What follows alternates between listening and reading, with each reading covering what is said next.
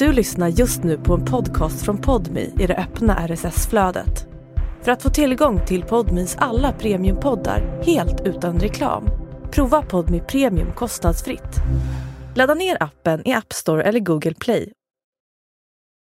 Välkomna tillbaka till biten av rovfågeln Här sitter jag och är lite rovfåglig. Och väntar på att veckans gäst ska bli totalt sönderbiten.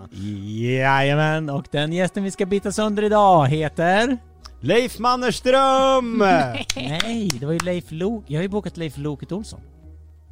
Ja, då har det blivit något missförstånd för att jag ringde Leif Manners. Fel Leif. Leif, kan du vänta där lite bara?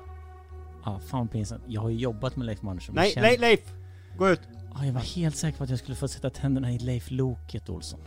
Ja, för han har du inte träffat. Så det är Nej, liksom... han har ju inte bitit än. Nej. Leif har ju nafsat på flera, flera gånger. Leif, jag tror att du får åka hem igen. Ja, ja men du kan fakturera. Men, men han fakturerar inte mig nu väl?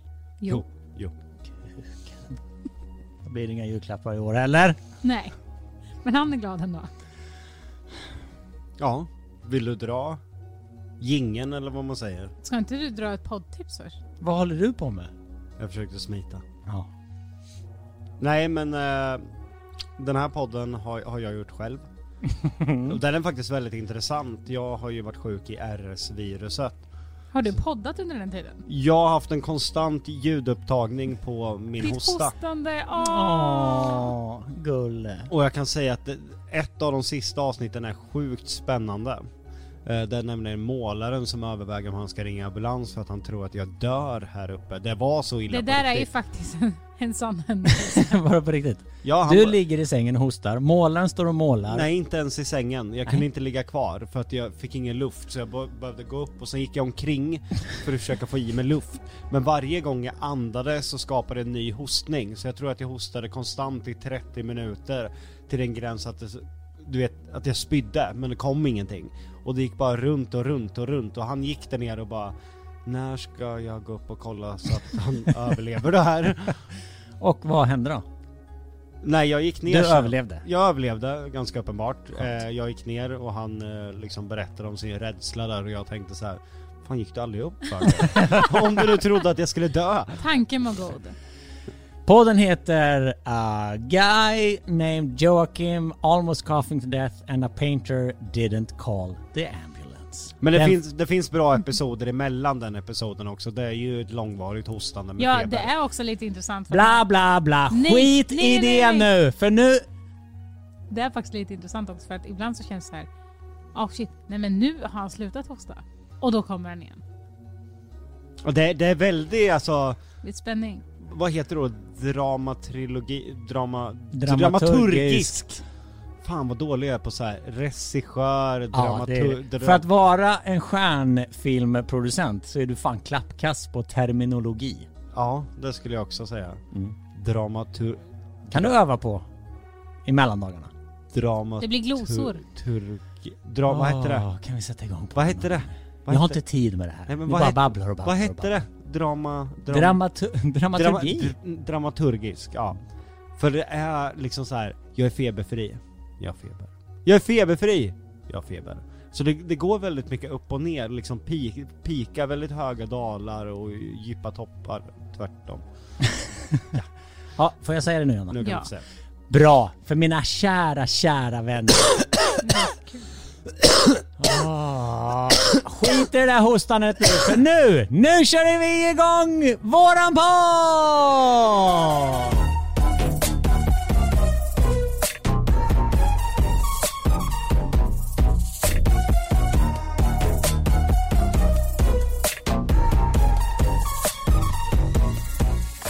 Ja, nu har du gjort ditt så nu kan du åka hem. Bra, hejdå. Leif, vänta jag åker med! Ja, kära vänner, hur mår ni? Alltså det är mycket. Oh, Det gud, vilken, mycket. u- gud vilken uttjatad Ja. eh, sådär, eh, när man pratar om ländellarna. Det är mycket. Den Ja. floskel nu. Ja, det, verkligen. Jag är så trött på att höra att ni har mycket. Jag är också trött Jonas. Vad är det som är så mycket hela tiden då? Ni vi- sätter ja, men- nej, förlåt men nu kommer jag vara hård. Ni Mm. sätter ju er själva i skiten. Ja men det Det gör är vi. ingen annan som bestämmer exakt vad ni ska göra. Nej men också att vi har sagt att efter, ja men vi har ju, för ett litet tag sedan spelade vi in eh, sista avsnittet av eh, säsong fem av Spökjakt. Fyra, Ja. fem, fem. Fem.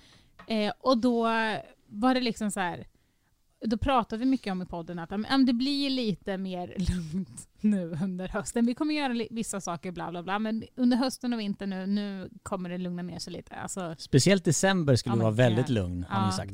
alltså december, det är helt sjukt att jag, det känns som att det är första december. Alltså det känns som att december har gått så jävla fort.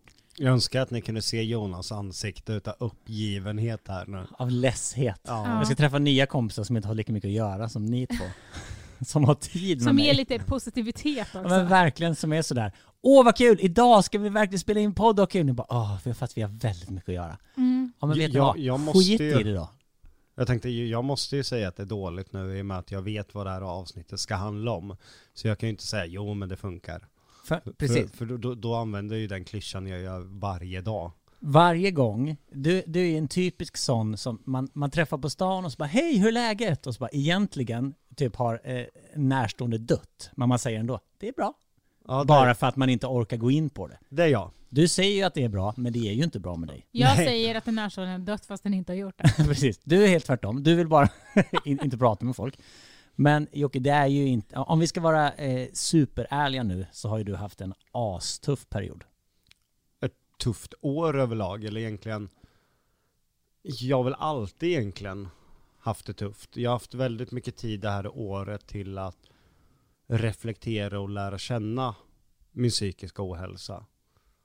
Så vi har umgåtts väldigt mycket. Du, Så- du och din ohälsa. Ja, så att jag, jag känner den in och utan till. Och jag har ju kanske förstått vad, vad problemet är nu på riktigt och accepterat det. Det har jag ju inte gjort innan. Vad har du kommit fram till? Eller för det första, hur har det kommit sig att du har just tagit tag i det då? För att jag gick i botten. Jag kände att jag klarar inte av att känna så här mer. Det här äter upp mig inifrån. Alltså hade någon kommit och sagt så här att eh, Tja, vi har lite aktiv dödshjälp här, vi hjälper dig att dra ur kontakten lite snabbt. Alltså när jag hade mått som värst så hade jag sagt bara dra ur den där jävla kontakten, är ni snälla alltså. Men har, Du- har det varit så illa under det här året? Ja, eh, och för några dagar sedan var, var det verkligen att jag kände Kanske inte att det var den värsta gången, men när man har varit i den där tomhetskänslan, när man bara bryts i bitar inifrån för många gånger. Så kände jag att nu är det nog. Alltså jag klarar inte av det här mer. Och jag måste acceptera att jag inte kan springa ifrån allt jag behöver bearbeta längre.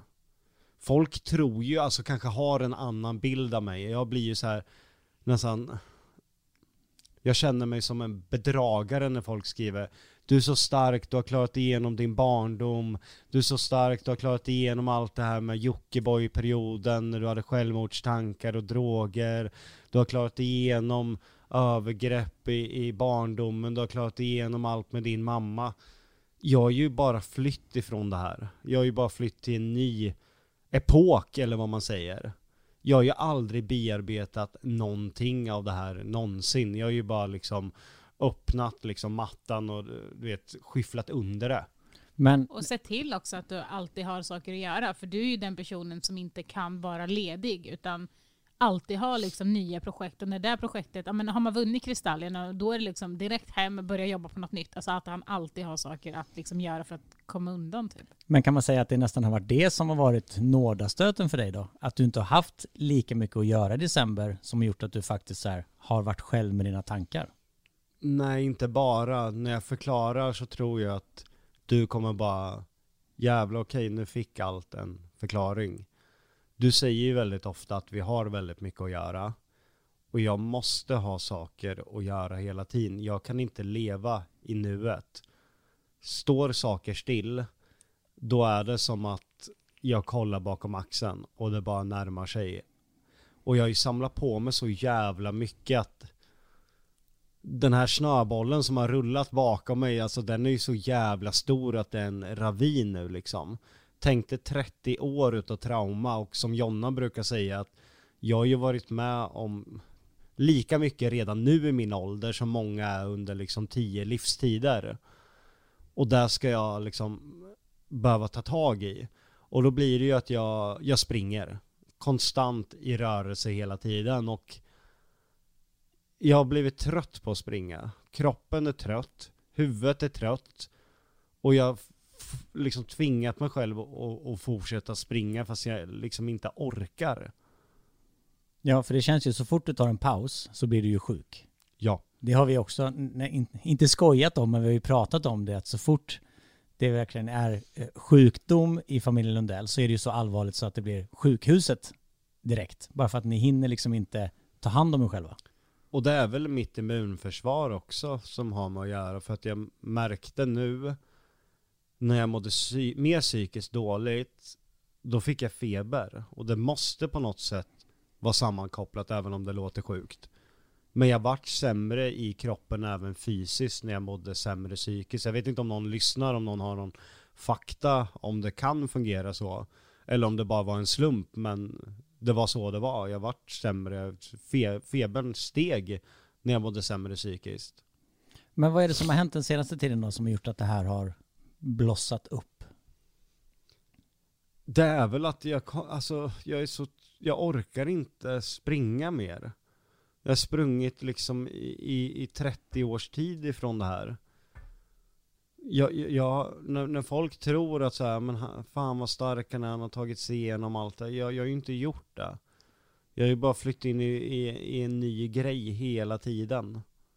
För att liksom sysselsätta mig. Och hade jag inte haft Jonna så hade jag nog fan inte överlevt det här alltså. Men hur har de senaste dagarna eller veckorna varit för dig Jonna? Alltså jätte, jättejobbigt också. Men det är jobbigt att säga det i och med att det inte... Alltså att det har varit jobbigt för mig för att min man har mått liksom psykiskt dåligt. Så det, det känns, det, lika det känns fult att säga. Ja men det känns Det är fult. inte fult. Ja, det, är lika jobbigt för Ja dig. men det känns fult att säga det när det inte är jag som har mått så, utan att jag har mått så på grund av att till exempel jag känner mig så jävla otillräcklig och jag är så som person att jag vill inte ha och ha utan jag vill ge. Det, det är så jag fungerar. Liksom. Att jag skiter i om jag inte får några julklappar, men jag vill jättegärna ge julklappar. Um, och så är det på alla plan eh, att, ja, men, eh, är det julfest, då vill inte jag vara med på julfesten, utan då är det jag som vill fixa den. Liksom, och allt sånt. Och lite där är det så att jag vill... Men jag vill ju att folk ska tycka att det är kul då. Att folk ska bli glada av julklapparna. Att folk ska tycka att det är kul med lekar. Att folk ska uppskatta det jag gör. Men då när jag försöker hjälpa Jocke och det inte fungerar, då tar jag tio steg bakåt och mår ännu sämre för då blir jag liksom jag vet, jag, det är svårt att förklara, men jag mår jätte, jätte dåligt när jag försöker och försöker och försöker. Till slut så står jag där och liksom, alltså min hjärna lägger av. Den bara smälter nästan för att den, den är så överarbetad. För att jag bara tänker och tänker, tänker vad ska jag göra, vad ska jag göra? Nu har jag gjort det här, nu har jag testat det här, nu har jag testat det här. Och till slut så bara, alltså den bara ryker liksom. Jag förstår Jonna helt och hållet. Jag tycker inte det är alls konstigt att hon känner så och framförallt inte fel. För psykisk ohälsa är så läskigt och jävligt och framförallt att omgivningen känner sig just. A lot can happen in the next three years. Like a chatbot maybe your new best friend. But what won't change? Needing health insurance. United Healthcare Tri Term Medical Plans are available for these changing times. Underwritten by Golden Rule Insurance Company, they offer budget-friendly, flexible coverage for people who are in between jobs or missed open enrollment. The plans last nearly three years in some states, with access to a nationwide network of doctors and hospitals. So for whatever tomorrow brings, United Healthcare Tri-Term Medical Plans may be for you. Learn more at uh1.com. Maktlös. För det är ju en osynlig åt helvete stark fiende man slåss emot. Så jag tycker inte alls det är fel att Jonna känner sig, att hon känner de här känslorna och det, det är liksom inte fel. För att det här påverkar henne, li, näst, inte, jo, kanske till och med lika mycket som mig. För det måste vara otroligt, alltså hjärtskärande rent ut sagt, att stå och se på någon man älskar jättemycket. Man försöker verkligen hjälpa den och man når inte fram. Det måste göra jätte, jätteont. Alltså det hade ju varit enklare om du hade brutit benet. För då hade jag ju vetat vad jag ska göra. Alltså då är det liksom så här, okej, okay, han kan inte gå, jag ska finnas där så att han kan hänga på mig. Så att han kan ja, men försöka ta sig framåt och typ så. Men med psykisk ohälsa, och när Jocke liksom, det enda han gör är att ligga i sängen och bara stirra upp i taket. Jag kan inte liksom plåstra om honom, jag kan finnas där. Men det är också att när han gör så mycket i vanliga fall och jobbar så mycket och gör det här och det här och det här och det här så blir det liksom att jag försöker lappa ihop det. Även om jag kanske inte kan ta alla, alla hans poster liksom, så blir det att jag försöker att eh, ja, men ta liksom beslut åt honom och liksom okej okay, men jag, jag, kanske kan göra det här åt honom, jag, gör, jag fixar det här, jag pratar med den här fast egentligen var det han som skulle göra det och liksom försöker fixa allt det så är det fortfarande inte i närheten av vad han egentligen ska göra. Men då blir det också att jag ska försöka göra det, ta hand om hemmet, maten, barnen, eh, snart är det jul, alltså planera allt det och försöka finnas för honom. Och det blir liksom, jag förstår inte hur jag ska kunna få ihop det. Alltså, på, alltså 24 timmar är inte tillräckligt. För när du har en riktigt mörk dag Jocke, vad, hur ser en sån dag ut då? Tyvärr så klarar jag inte av, även om Jonna säger att liksom stänga in det och släck ljuset. Förhör jag att barnen gråter och hon har panik där nere, då går jag ner ändå. Eh, vilket jag ändå är glad över att jag, att jag gör, för att det ger ändå någon slags reaktion för mig. Nu för första gången kan jag ju nästan sätta ord i hur känslorna känns. Det har jag aldrig kunnat förut. Utan det är ju som att jag, jag har varit ute och sprungit, jag är så pass andfådd. Eh, pulsen är skyhög. Och jag kan liksom inte fokusera på något annat än att försöka andas lugnt. Samtidigt som det gör så ont i kroppen. Inte fysiskt utan psykiskt liksom. Det är som något liksom ligger i min hals och bröst som, som en stor sten. Och det gör att jag, jag kan inte tänka på någonting annat än den här smärtan. Jag, jag blir avtrubbad, jag kan inte känna känslor för saker som jag normalt sett gör. För att det finns inget utrymme för att den här smärtan upptar 100%. Och den smärtan är bara ren och skär tomhet. Jag ligger där och längtar efter att bli ledsen. Snälla gråt för helvete, för det är i alla fall en känsla. Då känner jag i alla fall någonting. Men jag känner ingenting. Det är bara liksom ett, som, som en tomhet, som en jävla parasit som bara växer i, i bröstet på mig. Och det tror jag att det är att jag vet inte ens var jag ska börja bearbeta allt jag varit med om så att det kommer så pass mycket att jag, jag kan inte hantera det här. Och då slår jag av istället och då blir känslan som kommer tomhet. Och jag är så jävla rädd för tomhet alltså. Jag brukar säga det till Jonna. Jag vet inte vad jag gör när det kommer igen alltså. Men hade du en specifik episod nu den senaste eh, dagen eller senaste veckan som, var, som gjorde dig rädd? Eller är det ett konstant mörker? Nej, det, det, det går upp och ner. Eh, men eh, häromdagen var fruktansvärt. Det var väl att jag har varit där för många gånger och att kroppen orkar inte, då vart jag rädd för mig själv. Jag orkar inte känna så här mer. Jag sa nästan till Jonna bara snälla, gör vad som helst. Bara det här försvinner liksom. Gå och hämta ett jävla baseballträ och slå med här, någonting. Och då börjar jag förstå vart människors skadebeteende kommer till. Jag har aldrig kommit dit innan. För jag är väl så jävla envis. Att jag har hittat ett annat sätt att fly och springa och vara upptagen. Men jag förstår varför folk skär sig nu. För nu för första gången nådde jag till den punkten där jag inte orkade springa mer. Och då blir det att man tänker att fan ska jag skära mig i armen? För då gör ju det ont i alla fall. Då kan jag fokusera på det. Det är ändå ett läkande sår som blöder. Det är bättre än den här tomheten. Och då förstår jag varför folk får ett destruktivt tänkande när man börjar göra saker som skadar sig själv. Som till exempel att missbruka droger eller, eller andra saker. För kroppen är sån att när det blir för mycket, då, då slutar man en pakt med djävulen. Allt för att slippa och känna det här för tillfället. Men jag kommer aldrig mer börja med droger som jag gjort förr. Så jag har inte de här utvägarna och jag vill inte skära mig för jag har barn. Jag vill inte att de ska se att jag liksom har ett märke på min arm.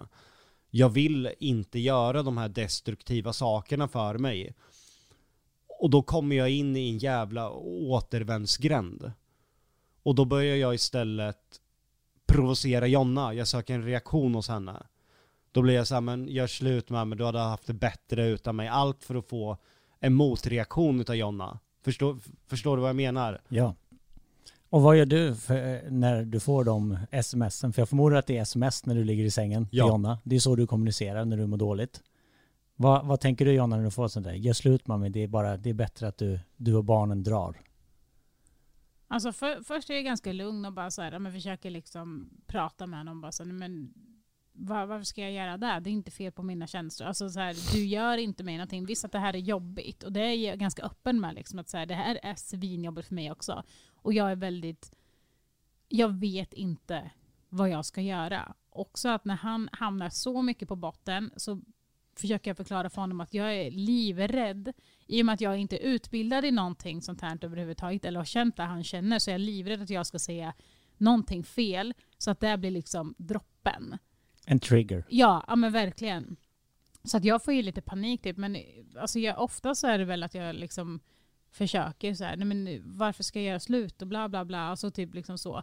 Men till slut så blir det ju alltså storbråk. För att jag, jag tappar det. Alltså det blir alldeles för mycket och det är ju någonting, alltså Det har dock hjälpt, alltså vi hade ett storbråk häromdagen som kom utav det. Och då mådde både jag och Jonna bättre efteråt. Men då har du egentligen bara matat djävulen ju. Egentligen. Eller hur? Du har bara matat monstret inom dig som vill känna någonting. Och om det är då bråk med Jonna som fick det monstret att bli nöjd för tillfället så är det ju egentligen ingen bra lösning. Precis, och det är det, där är- vi alltså, har det, är, pratat... det är en tillfällig lösning. Ja, vi, vi är väl medvetna om det. Det var väldigt bra sätt av dig att sätta orden på det. Man har ju matat djävulen tillfälligt. Och man får ju inte glömma, och det glömmer jag aldrig, att Jonna är ju medberoende till min psykiska ohälsa. Hon blir ju det. Hon lever ju med mig, så att det här blir ju en del utav henne också när jag drar ner henne. Och det, det är ju skitjobbigt för mig också. Och när jag kommer till den där punkten så känner jag ibland bara, fan det är inte bara bättre jag packar väskan och försvinner liksom. Fast jag vet att det är inte där Jonna vill. Nej, och det blir ju en så jävla jobbig situation för mig också. För att där ligger min man i sängen och alltså tänker vad fan ska jag leva för? Samtidigt som att jag då måste gå vidare i livet. Disken måste diskas, men vad fan är det? Det är en sån jävla skitsak i att min man ligger där uppe och mår dåligt, men ändå så är det ju någonting som måste göras. Jag måste skrapa rutorna på bilen, för att, och jag måste liksom åka till förskolan, jag måste spela in podd, jag måste fixa med samarbeten, jag måste slå in julklappar, fast vad fan vore det om Jocke skulle gå bort? Alltså det, det känns så jävla konstigt att jag behöver göra de sakerna, fast det måste jag för att det är liksom, livet måste ju gå vidare också. Men är du orolig för att han, för att han ska göra det, alltså på riktigt ta livet av sig? Såklart är jag det. Alltså, han har ju varit med om så jävla mycket. att Jag, alltså, jag förstår inte alltså, hur en människa ens kan, ja, men på riktigt verkligen, alltså, ha gått igenom så mycket och fortfarande vara kvar. Jag tror att alltså, de flesta hade gett upp för länge, länge sedan. Och det är där som jag kanske så här, för att han är fortfarande väldigt långt kvar att leva. Han är en offentlig person, han är nog den och, alltså, mest offentliga personen som får mest skit, fast saker han inte kanske ens gör, utan att det liksom och det är där som jag blir så här, okej, du är så pass ung ändå och har varit med om så här mycket och förmodligen då kommer vara med om ännu mer. Vart, vart kommer det sluta liksom? Men har de tankarna slagit dig Jocke? Jag är rädd för det för att du känner ju mig, jag läser ju väldigt mycket. Eh, försöker plugga på saker när... Och jag är rädd för att jag inte själv alltså styr över handlingen. Att en dag så gör det bara för ont. Att det, alltså, förstår du jag menar? Att det inte är jag själv.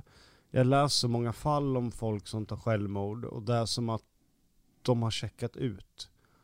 Precis, de är ju så långt ner i hålet så att de bryr sig inte längre. Och så tänker de så här, det är bättre för Jonna och barnen att jag inte finns. Då slipper hon tänka på mig, då slipper hon lägga energi på det och kan bara gå vidare med sitt liv. Eh, så det är bättre om jag bara försvinner. Och det stämmer ju inte, och det vet ju du innerst inne. Men i mörkret så förstår man ju inte det. Nej, jag är rädd för att komma till det, till det mörkret när jag själv inte är i förarsätet i mina tankar. Det skrämmer mig jättemycket. Och jag tyck, det som jag tycker är jobbigt att jag gillar inte att visa när jag mår dåligt och det gör ju saken ännu värre. Alltså, när Luna Bell frågar om jag är ledsen för hon, märker, hon är ju så pass gammal att hon kan märka saker nu för tiden. Alltså jag mår ju dåligt i flera dagar och det gör ju att jag biter ihop ännu mer och liksom ska, så fort jag ser dem att jag liksom klistrar på världens leende och ska vara glad och, och jag försöker även, för det här för Jonna liksom, jag skojar väldigt mycket alltså. Vi spelar in ett program som heter Lundellhuset där jag jobbar med en kille som heter Henke Boman och han har ju lärt sig det utan till. Han vet ju precis vilka dagar jag mår dåligt för att då, då prankar jag och då skämtar jag om allting. Och då kan man ju tro bara, jävlar vad han skojar om saker, men det är ju mitt sätt att liksom Skojar man så blir det inga allvarliga frågor. Det är ju mitt sätt att hålla allvaret liksom utanför. Men det är ju så pass, för jag har ju ändå känt dig i några år nu och det här är ju eh, kanske den första gången där, där man känner så här, okej, nu, nu måste du ju ha professionell hjälp. Mm. Jag kommer till den punkten också. Även själv. Jag är bara så jävla rädd för att komma till någon och sen bara märker att det är någon som sitter där och bara väntar på att det ska ta slut och jag märker att fan, du sitter ju bara här för att liksom få betalt per timme. Och då är jag än, alltså då är jag så jävla rädd att jag kommer trycka ner mig själv ännu mer och känna mig ännu mer värdelös. Så att här kommer jag må så här och sen känner jag det här tillbaka. Ja, det är ju ett otroligt förtroende som man lägger hos en terapeut ju. Och där är det ju jätteviktigt att som, som terapeut inte ge de signalerna. Men du kan ju inte döma ut terapeuten innan Nej. du går dit. Nej, det ska jag absolut inte göra, men det är bara rädslan man har. Men man får ju bara liksom byta, man har ju den rätten om det inte känns bra tills man känner att det är någon man har förtroende med. Men jag, jag är ju helt på ditt, ditt spår, jag kan inte jag kan inte fortsätta så här för någon skull, det går inte längre. Eh, Men jag känner ju också dig och känner att du kommer inte ta tag i det själv. Eller? Jo, jag tror fan det för att någonting har hänt de senaste två veckorna. Det har jag sagt till dig också. Det kan inte fortsätta så här. Jag Mm. kommit till den punkten. Men kommer du ta kontakt med någon då? Eller vill du ha hjälp med det? Ja, det är såklart jag vill. För jag vet ju när mående kommer. Ja, men jag menar det. Kommer du ta kontakt med någon själv? Eller vill du att vi ska hjälpa dig med det? Ni får jättegärna hjälpa mig med och bara skicka en tid och dit. Alltså, så kommer jag se till att vara där. Om det gör det lättare för mig, absolut. För jag, jag just nu så mår jag ändå okej, för jag känner någonting nu och därför kan jag prata om det här. Hade jag haft en dålig dag, när jag inte fått ur mig ett enda ord, jag kan inte sätta ett enda ord på känslor då. Och när Jonna kommer in och försöker prata med mig, alltså vi kan kolla på klockan, det har gått fan tre timmar ibland. Mm. Och man bara, vi har sagt tre ord. Det kommer inte ur. Och jag hade en bra dag, när hade vi julfesten och dagen efter då, Johanna var här. Mm. Och jag, jag märkte från mina vänner, alltså jag skickade fina saker till dem liksom. Och då, det är jobbigt att jag önskar folk mer fick se den jag är när jag mår bra. Inte liksom 95% när jag mår dåligt och är stängd. Och det gjorde ont i mig när, de sa att fan vad kul att se den gamla Jocke igen. När du är som du ska. Och det var skitjobbigt. Och då blev man rädd när man kände att den dagen var bra och visste att det kommer komma snart. Dagar då när man går tillbaka till det där. Och då slutar man prata med folk och jag tycker det är jobbigt. Jag har jättemånga vänner som säger liksom det går inte att få tag i mig, jag gömmer mig liksom. Och jag vill inte vara sån, för det är inte sån jag är. Jag tycker om dem jättemycket. Men jag vill liksom inte vara runt människor när jag mår sådär. Men jag tror ju också du får ju. Jag tror att alla dina vänner runt omkring dig förstår eh, att man måste fokusera på sig själv när man mår dåligt. Jag tror ju inte att det finns någon som klandrar dig, men jag tror ju att det finns folk i din närhet som såklart lider med dig och givetvis vill att du ska må bra. Och när de säger så att åh vad skönt att se den gamla Jocke, det betyder ju inte, det är egentligen bara av kärlek för att de säger åh vad skönt att han mår bra. För det är klart att folk märker när du inte mår bra. Det som gör det så svårt att ta tag i saker och verkligen börja bearbeta är att det händer nya saker. Jag kan ta ett exempel där en, en nära vän till mig som heter Pontus, eh, han har en YouTube-kanal där han heter Anjo.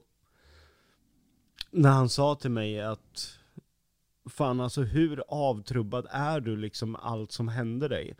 För det var en incident som gjorde honom mer arg än mig fast det var mig den involverade.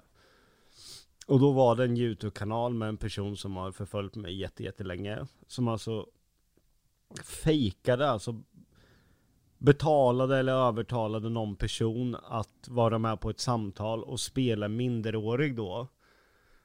Och som då påstod sig ha blivit förgripen utav mig och Jonna i vårat hus förra året.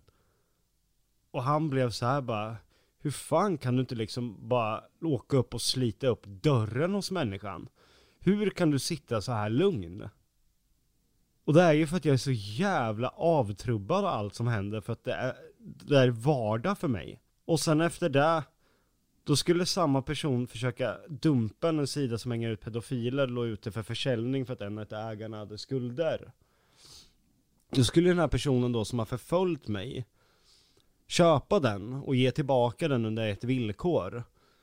Och det var ju att den här sidan då skulle hänga ut med att jag förgriper mig på Luna Bell. Och hur bearbetar man sådana här saker? Alltså, det är ju för, för, för sjukt för att vara sant. Eller att han lägger ut att folk ska ringa till mina grannar och säga att jag har sex med min dotter eller till mina barns förskola. Det är sånt där som, man, som händer på film.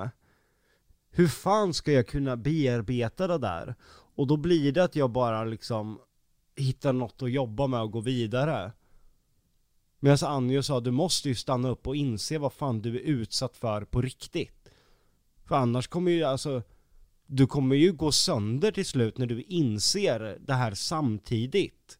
Och jag vet inte om det är de här incidenterna som har triggat det, att jag börjar inse hur fucking jävla sjukt det här, vad jag blivit utsatt för, är.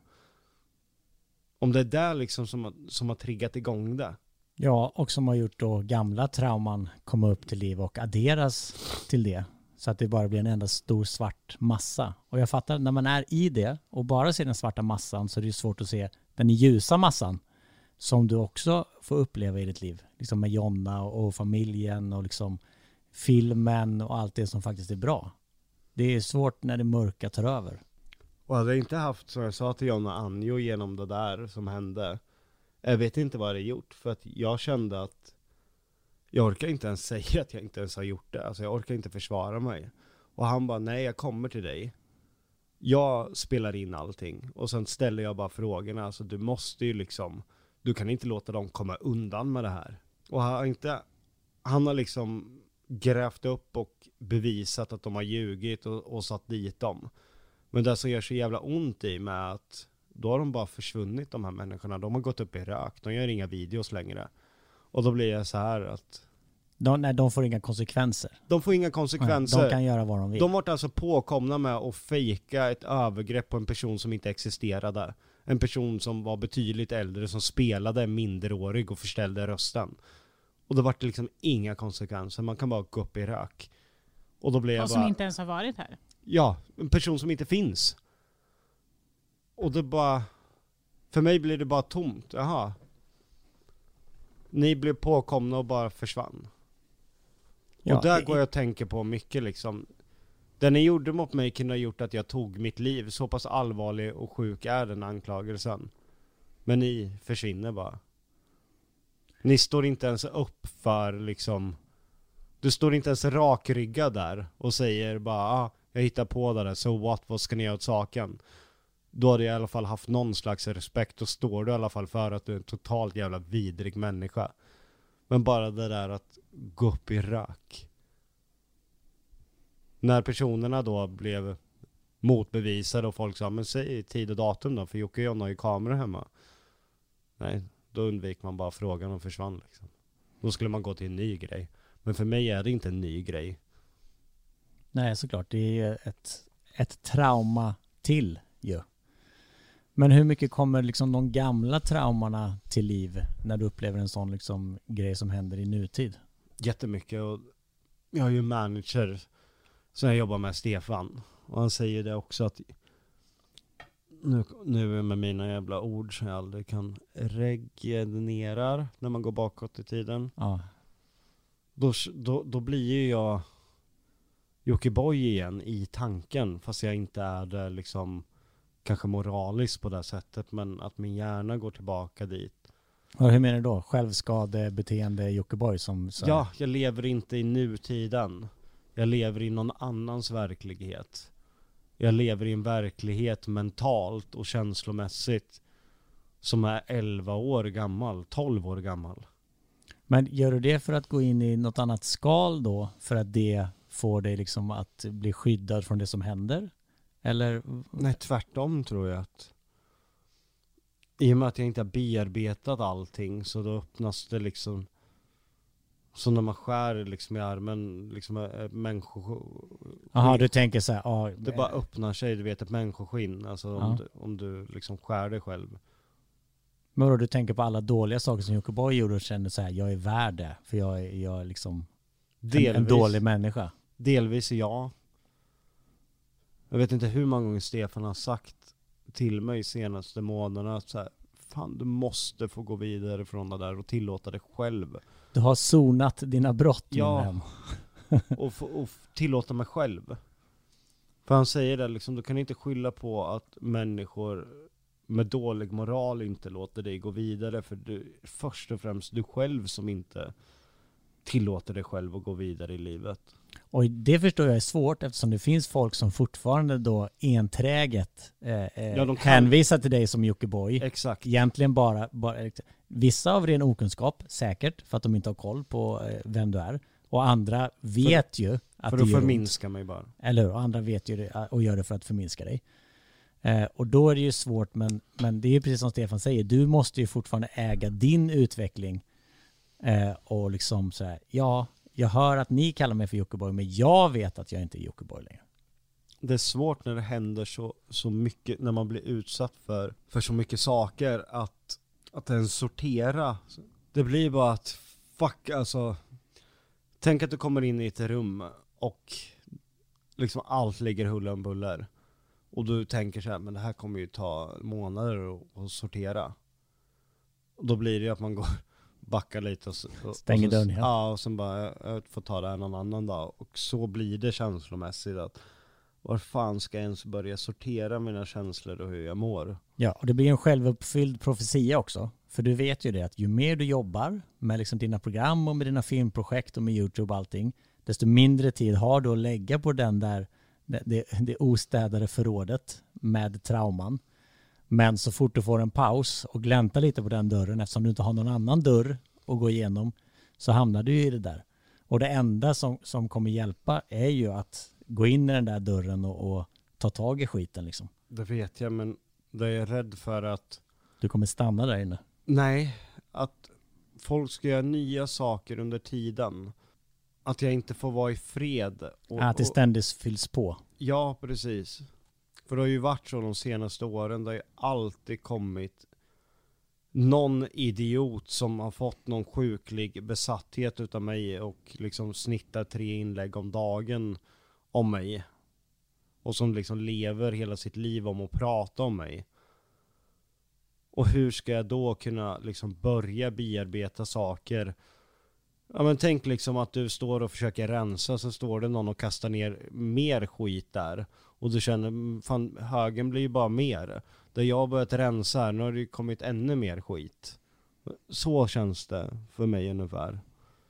Men nu när du är i det här då, hur känner du liksom att, för jag vet ju att Jonna precis som vi sa precis, tycker det är asjobbigt att stå bredvid. Vad kan vara liksom, vad, för att lätta hennes ångest, vad kan hon göra i, i de situationerna? Där du liksom, vad behöver du av henne? Jag har förklarat för henne att hon, hon har ingen skyldighet för det första och lösa det här. Och det är ingen som kräver det utav henne. Det är inte hennes uppgift att göra. Utan acceptera att det kanske inte hjälper om du försöker. Men jag ser det.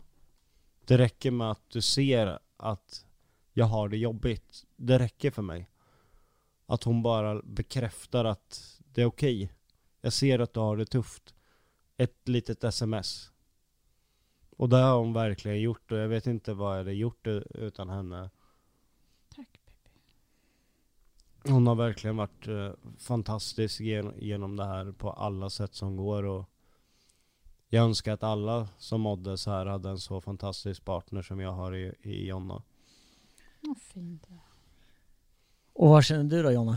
När du hör han berätta, har han berättat det så här utförligt för dig? Eller har det bara varit via sms som du har fått ta del av den här skiten? Alltså jag är ju en pratare, jag vill ju prata för att jag skriver ju inte Du är så en pratare snabbt. och han är en skrivare. Ja, så att där krockar vi faktiskt jättemycket. Fast jag har ju väl pratat mycket nu Ja, senaste vi har- veckorna. Exakt, jag har ju låtit dig skriva. Så att jag inte tar ifrån honom det. Att, utan när han skriver, det är ju då han liksom känner att han kan prata. Så då har jag låtit honom skriva och sen har jag liksom bara så här bekräftat lite. Så. Men sen har vi ändå kunnat sätta oss och prata. Så vi har ändå mötts på mitten där. Liksom, att han får ur sig allting och sen pratar vi om det när han har skrivit klart. Liksom. Eh, och då kan jag ta upp ja, men vad jag känner och sådär. Men eh, det är väldigt jobbigt. Jag förstår att han kanske bara vill att jag liksom ska bara så här finnas där. Men det känns också så jävla ruttet. Och bara, Man vill ju göra ja mer. men exakt, gå upp till honom, klappa honom på kinden genom en puss och sen en kram och bara så här. Fan jag ser att det är svinjobbigt. Men jag finns här. Och sen går man. Alltså, det Jag vet känns du, så... ty- du tycker ju det är mer respektlöst men Ja, jag ser det jätterespektlöst liksom. För mig räcker det.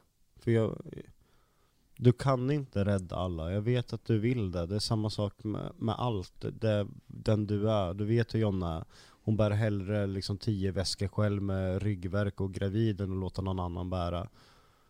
Men du kan inte ta min smärta. Du, jag vet att du utan att blinka hade tagit allt jag känner i kroppen och tagit det själv. Och så väl känner ju du också Jonna Jonas. Ja, och det är ju, det tror jag ju, eh, alltså, du är ju en sån person som, som hellre går och bär på dig själv ju. Ja, 100 procent. Men jag tror att det är ju säkert ganska vanligt bland anhöriga att när man ser någon, ja men typ, eh, tänk om 20 år och Luna Bell skulle vara i det här. Det är klart att ni utan att blinka skulle ta hennes Mm. liksom mörker ifrån henne och bä- bära på det själv. Men jag tror ju att Jocke, du behöver ju prata med en terapeut, men jag tror ju nästan att Jonna också behöver prata med någon om hur det är att vara närstående till någon som har de här känslorna. Bara för att så här, det finns ju hjälplinjer för närstående också, så att man inte känner sig Mm. ensam med det. Ja, alltså jag... Jag klarar inte av när folk mår dåligt för jag vet inte hur jag ska bete mig. Nej, men Alltså, jag tror ju att du också kommer kunna få verktyg för hur man eh, liksom gör i sådana situationer också. Mm. Ja, alltså jag har pratat eh, med Jocke om ifall vi kanske ska gå typ i parterapi eller någonting. Alltså inte för att vårt förhållande är dåligt utan för att liksom någon ska kunna se bådas sidor i det här. Liksom. Ja, ibland så hjälper det ju bara att prata om det. Mm. Det kan nästan vara en skyltdocka som sitter i, alltså i stolen bredvid, bara man börjar prata om det öppet. Mm. För då börjar du tänka så jaha, du tänker så, vad fan, jag Mm. gjorde tillräckligt. Jag trodde ju att jag var helt otillräcklig. Mm. Men när Jocke då bekräftar att men det, det du gör är ju mer än nog, Mm. då kanske du ändå får något slags lugn i det. Okej, jag har gjort min del. Nu, liksom så här, nu ska jag bara försöka hjälpa honom ge- genom att göra så som han liksom, ja. Exakt. Vi pratade ju för någon vecka sedan och eh, det kändes ju som att vi förstod varandra då. Jo, Jonna, det jag säger nu är liksom, det är ingenting jag klagar på Jonna utan jag, jag förstår henne, alla människor är olika. Hon klarar inte av att jag mår dåligt, hon vill att alla dagar ska vara bra helst. Hon tycker det är jättejobbigt med med konflikter och när någon mår dåligt och där. Och då blir det ibland som att hon låtsas som att det inte finns och då kan jag känna mig väldigt ensam. För att hon, hon klarar inte av att hantera mitt mående. Och då kan jag känna som att det blir att, ja men Jocke gå in på toaletten och lås dörren och gråter inne, det, det är okej. Medan jag egentligen bara vill höra att det är okej att att någon förstår att jag mår som jag mår. Och Jag, jag förstår Jonna, alltså, Ja, alltså det blir lite så här. Det är okej att du mår dåligt. Jag fattar att du behöver få ur de här känslorna. Och, alltså för mig är det viktigt att man liksom ska få vara ledsen. Man ska få vara alltså, nere och sånt där. Men det blir lite så här att jag, ja, jag går iväg, låter dig vara. För att jag mår ännu sämre om jag ser det. Och att jag vill låta dig vara i fred och ta hand om allt annat. Så att du slipper liksom bara, ah, men nu skriker barnen, nu håller de på så här, nu håller Ja men typ så liksom. Nu lyssnar de inte på piano, nu måste jag gå ner och säga till, nu måste du la det blir som jag känner igen mig själv i, i det Jonna beskriver. För exakt samma sak hände mig när min morfar gav, gick bort. Då ringer han till mig och då berättar att han har cancer. Och det var sista gången vi pratade förrän vi träffades på bårhuset. För han var ju den enda jag hade som brydde sig om mig. Han var den enda stöttepelaren i livet. Och jag blev typ arg på honom istället. Att, vad fan du är ju sjuk. Ska du lämna mig? Så jag klarade inte av för att han mådde dåligt och var på sjukhus och jag visste om jag ringde. Ja men då ligger han på sjukhus och då vi kommer prata om det. Så jag undvek att svara när han ringde och att ringa honom. Det var lättare att låtsas som ingenting. Ja, precis. För då liksom, då fanns det inte. Förrän en dag jag fick liksom beskedet att han har ju dött. Och då kom jag på att vi har ju inte pratat en enda gång sen han ringde och det, det är någonting jag kommer ångra för resten av mitt liv. Det, det kommer alltid finnas med mig. Det är liksom, jag var 19 år när det här hände, 20 tror jag. Men det är som att det var igår. Så jag vet vad Jonna menar med det här. Ibland så det är skitjobbigt att Ibland så kan det fan till och med vara ännu jobbigare Jag tror att jag mådde mer dåligt över min morfars cancer än vad han själv gjorde över sin cancer Men jag tror man lätt som närstående kan, kan liksom ha de tankarna. Att, att liksom, ja, men jag tror ju att i vissa fall så är det här säkert jobbigare för Jonna än för dig. Det och tror jag också. Och det säger jag inte för att förringa dina känslor. Ja, de måste ju vara svinmörka. Jag tror också det Men att just då stå, ibland kan det ju nästan så här, ja, missförstå mig rätt nu, men det kan, ibland kan det ju nästan vara liksom lite förlösande att vara den som är sjuk och liksom inte behöva göra någonting, för då kommer jag säga att ja, jag är sjuk, jag har brutit benet, jag kan ju liksom inte göra någonting. Alltså, och så, Mm. Medan den anhöriga blir den som då får ansvar för allting Mm. och också vill ta hand om den som är sjuk. Eller kanske till och med ta dens sjukdom bara för att jag bär hellre den bördan. Så ibland kan det nästan vara dubbelt för en anhöriga ju. Ja, alltså det har verkligen varit så jävla tufft för att jag den ena delen av mig vill bara krypa ner jämte Jocke och bara hålla honom och bara så här. Här ligger min famn. Jag finns här. Och sen ligga där liksom hela dygnet. Ja, och jag, Men- menar, jag menar såklart inte att det är något förlösande att ligga och vara sjuk. Jag menar inte att Nej, förringa nej. det. Men jag tror att som anhörig måste det vara så jävla jobbigt. Speciellt då med en partner som man älskar eller med liksom framförallt måste det vara nästan ännu värre med ett barn. Alltså, ja men tänk- det tänk vet man ju bara när barnen har barn, feber. Liksom. Ja, Då är bara- det liksom så här, nej men gud. Alltså när man ser när de inte äter någonting, då ens Ja. hjärta går ju sönder. Ja. Och då är det bara feber. Alltså, Och tänk att ha ett barn som lider av självskadebeteende eller går med självmordstankar Mm. och man bara man måste ju ha total ångest exakt hela tiden. Bara, Mm. tänk nu, men det kan man inte visa heller. nej, men, nej precis, för tänk nu så här, när mitt barn går utanför dörren vet inte jag om den kommer komma tillbaka. Mm. Eller om den kommer få någon slags psykos och hoppa framför ett tåg.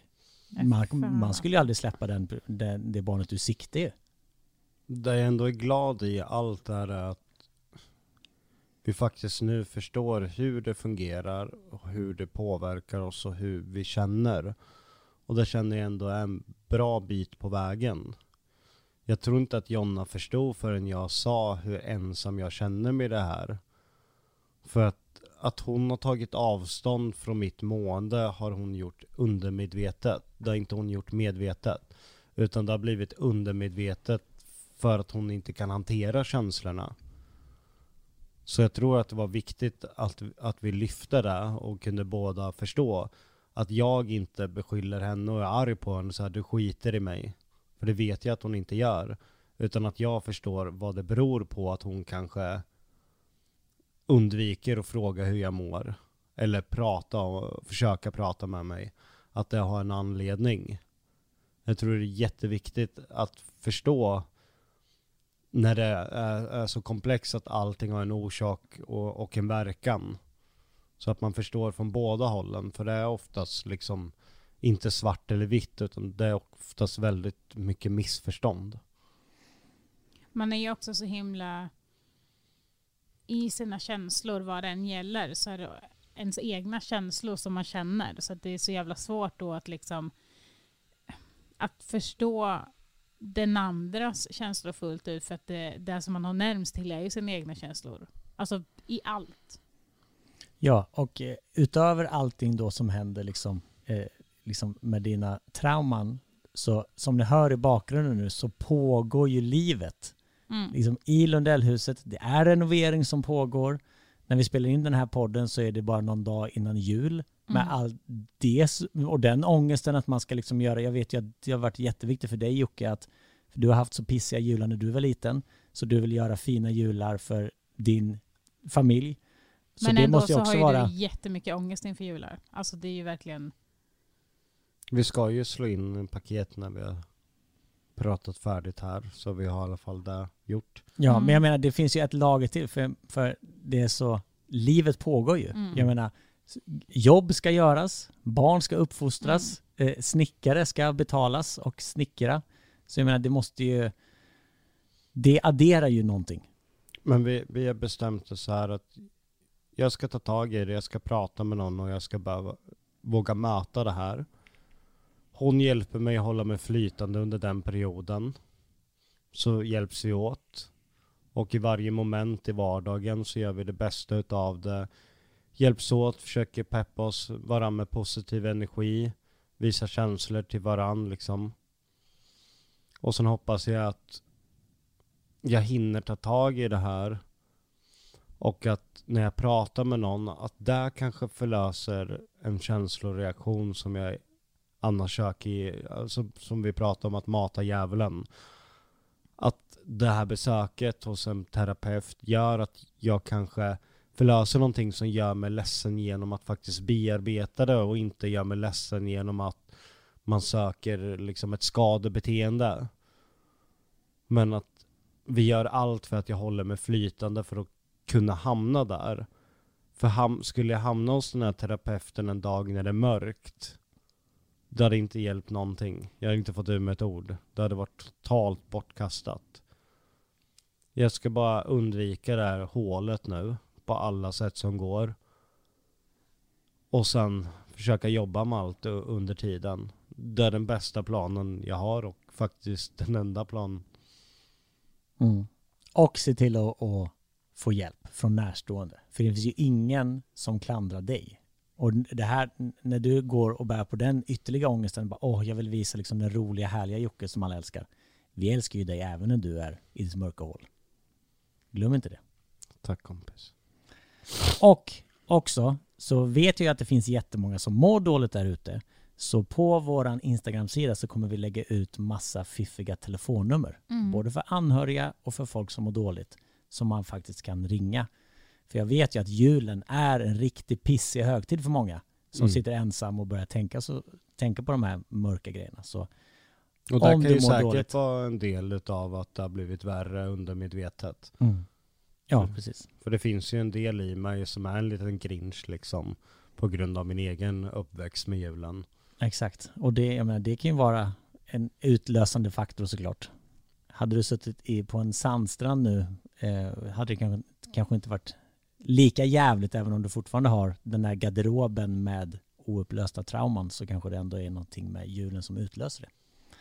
Men jag har ändå hopp för att klara det här för första gången. Vi får bara se till att bära varandra dit vi behöver. Mm. Fint. Och med de orden så kommer vi avsluta sista avsnittet för det här året. För idag när det här sänds så är det den 27 december. Gott nytt år alla kära lyssnare och så Gott hörs vi igen år. 2023. Då med en ny plan för bättre mående. Och har ni det pissigt, tveka inte att ringa någon av de eh, numren som faktiskt finns så man kan få hjälp. För det är aldrig, aldrig en svaghet att söka hjälp. Mm. Bra! Gott nytt år kära lyssnare. Gott nytt Så hörs år. vi och ses vi. Gott nytt år. Hej då! Hej då!